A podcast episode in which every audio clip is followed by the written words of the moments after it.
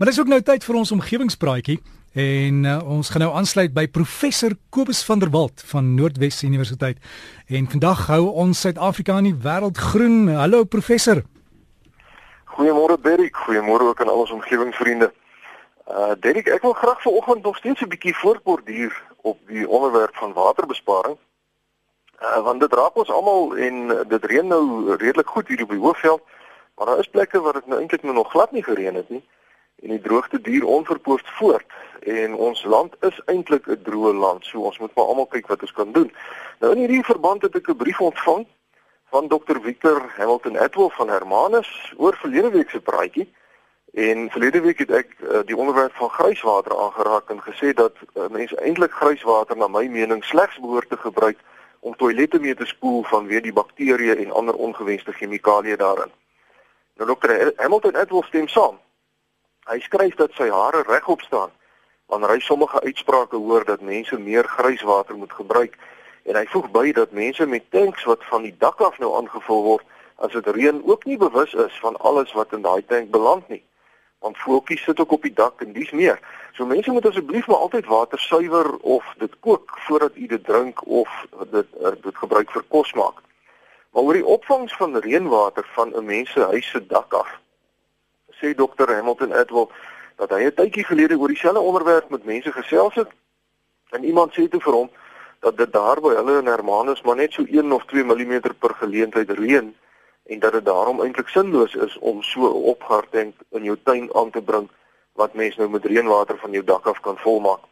En hy het toe vir die mense uitgewerk hoeveel water 'n mens van 'n gemiddelde huis se dak af kan kry. En kom ons maak ook gou daardie sommetjie.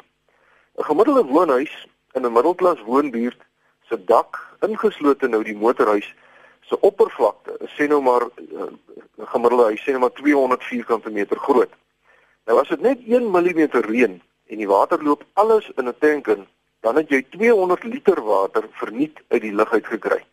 En dit is nou as dit skaars gereën het, nou net 1 mm. Nou ek besef nie alle water loop dadelik na die tank toe nie, want as die dak warm is, dan verdamp die eerste bietjie water en dan bly daar ook 'n laagie water natuurlik op die dak agter van wie die adhesiekrag. Maar uh, dit is nog steeds beduidend. So kom ons kyk nou na 'n lekker reënbuy van sê nou maar 'n duim in die ou taal of dan 25 mm. Dan lewer jou dak vir jou 5000 liter water. Met ander woorde, as jy 'n 10000 liter tank in jou tuin staan maak en jy koppel al jou geute aan die tank, dan het jy 'n totaal van slegs 50 mm reën nodig om daardie tank heeltemal vol te maak. En dit is alles 'n gratis geskenk uit die lug uit.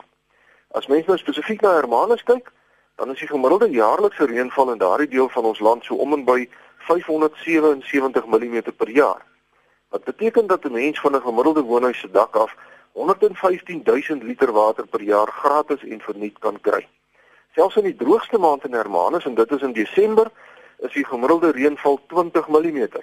Wat beteken dat mens elke Desember 400 liter water van jou dak af kan oes waarmee jy dan jou tuin aan die lewe kan hou. En dit is nou nie te versmaai nie.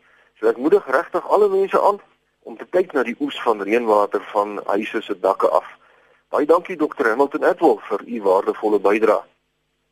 En dan weer die tweede onderwerp vir oggend, uh doen ek na aanleiding van 'n brief wat ek ontvang het van Janus en Alet Roo van Aston Bay in die Oos-Kaap.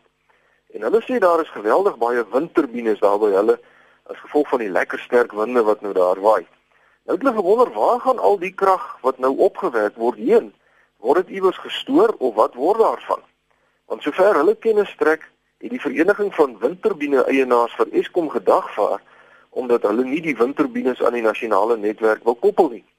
Hulle sê hulle glo dat as hierdie windkrag in Eskom se netwerk ingelaat word, ons dan nou glad nie kernkragsentrale in Suid-Afrika nodig sal hê nie en dan sal tuispunt daar by Oesterbaai bewaar kan bly vir ons nageslagte. Ja, baie dankie aan Janus en Alet Roo van Astonbury vir daardie vraag. En eerstens is dit wel so dat daar probleme is tussen Eskom en die onafhanklike kragprodusente. Dit sluit nou wind en sonkrag in. Op 3 November verjaar het 'n berig in die koerante verskyn wat gesê het dat daar 26 groenkragprojekte wat 50 miljard rand se beleggings verteenwoordig gereed lê. Trouwens, dit was al vir 18 maande lank gereed uh, om aan die kragnetwerk gekoppel te word. Maar die voormalige bedryfshoof van Eskom, meneer Braai Molefe, het gesloer om die finale kontrakte te onderteken. Ja, meneer Molefe het ondertussen bedank na die vrystelling van die staatskapingsverslag deur ons vorige openbare beskermer. En vroeër hierdie week het die regering en uh, dis eintlik die departement van energie in ons nuwe geïntegreerde hulpbronplan aangekondig dat die voorgenome kernprogram uitgestel is met minstens 20 jaar. Wat beteken dat as Suid-Afrika kernenergie verder gaan uitbrei, dit eers hier teen 2037 sal gebeur. Ja, hierdie gebeure gee my goeie moed dat ons dalk nou by die punt gekom het waar die groenkragprojekte wel binnekort formeel uh deel sal vorm van ons nasionale kragnetwerk. En dis natuurlik baie goeie nuus vir alle mense in Suid-Afrika en ook vir ons omgewing. Maar wat ons nie moet vergeet nie wat soos 'n paal bo water staan, is dat groenkrag steeds gebuk gaan onder 'n sogenaamde fatal flaw, soos ons Engelse vriende dit sal uitdruk. En dit is die feit dat daar nog nie 'n tegnologie bestaan waarmee groot hoeveelhede elektrisiteit geberg kan word dat mense dit kan gebruik nie. Ons het wel sommige van die oordragskemas uh, waar water as energiebergingsmiddel gebruik word, maar dit is nie genoeg vir die tye as die son nou nie skyn of die wind nie waai nie. Uh, en om dan nou in die totale Suid-Afrikaanse vraag na elektrisiteit te voorsien nie. So ek voorsien dus wel dalk nog 'n kernreaktor of twee in Suid-Afrika se toekoms as ons ekonomie sodanig groei dat ons nou wel nog grootskaalse elektrisiteitsbronne nodig het. Uh, behalwe natuurlik as iemand nou iets uitvind waarmee ons al die krag wat ons met groen elektrisiteitsbronne opwek kan stoor vir latere gebruik.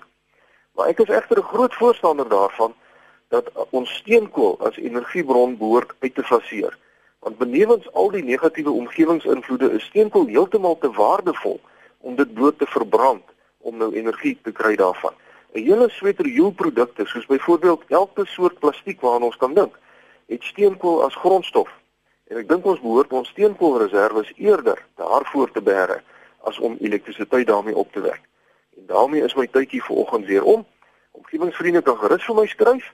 Uh, my e-posadres is kobus.vanderwalt@nwu.ac.za. Uh, of u kan maar net op Facebook gaan soek na omgewingspraatjies se blad. En daarmee wens ek al ons omgewingsvriende 'n heerlike dag toe. Groetnis. En groetnis aan professor Koop Kobus van der Walt daar van Noordwes Universiteit. As jy wil gaan loer op die Facebook bladsy, onthou dis omgewingspraatjies, die meervoud omgewingspraatjies. Anders as jy die professor wil e-pos is kobus.vanderwalt by nwu.ac.za. Nie kom nie, .za. So dis kobus.vanderwalt by nwu.ac.za.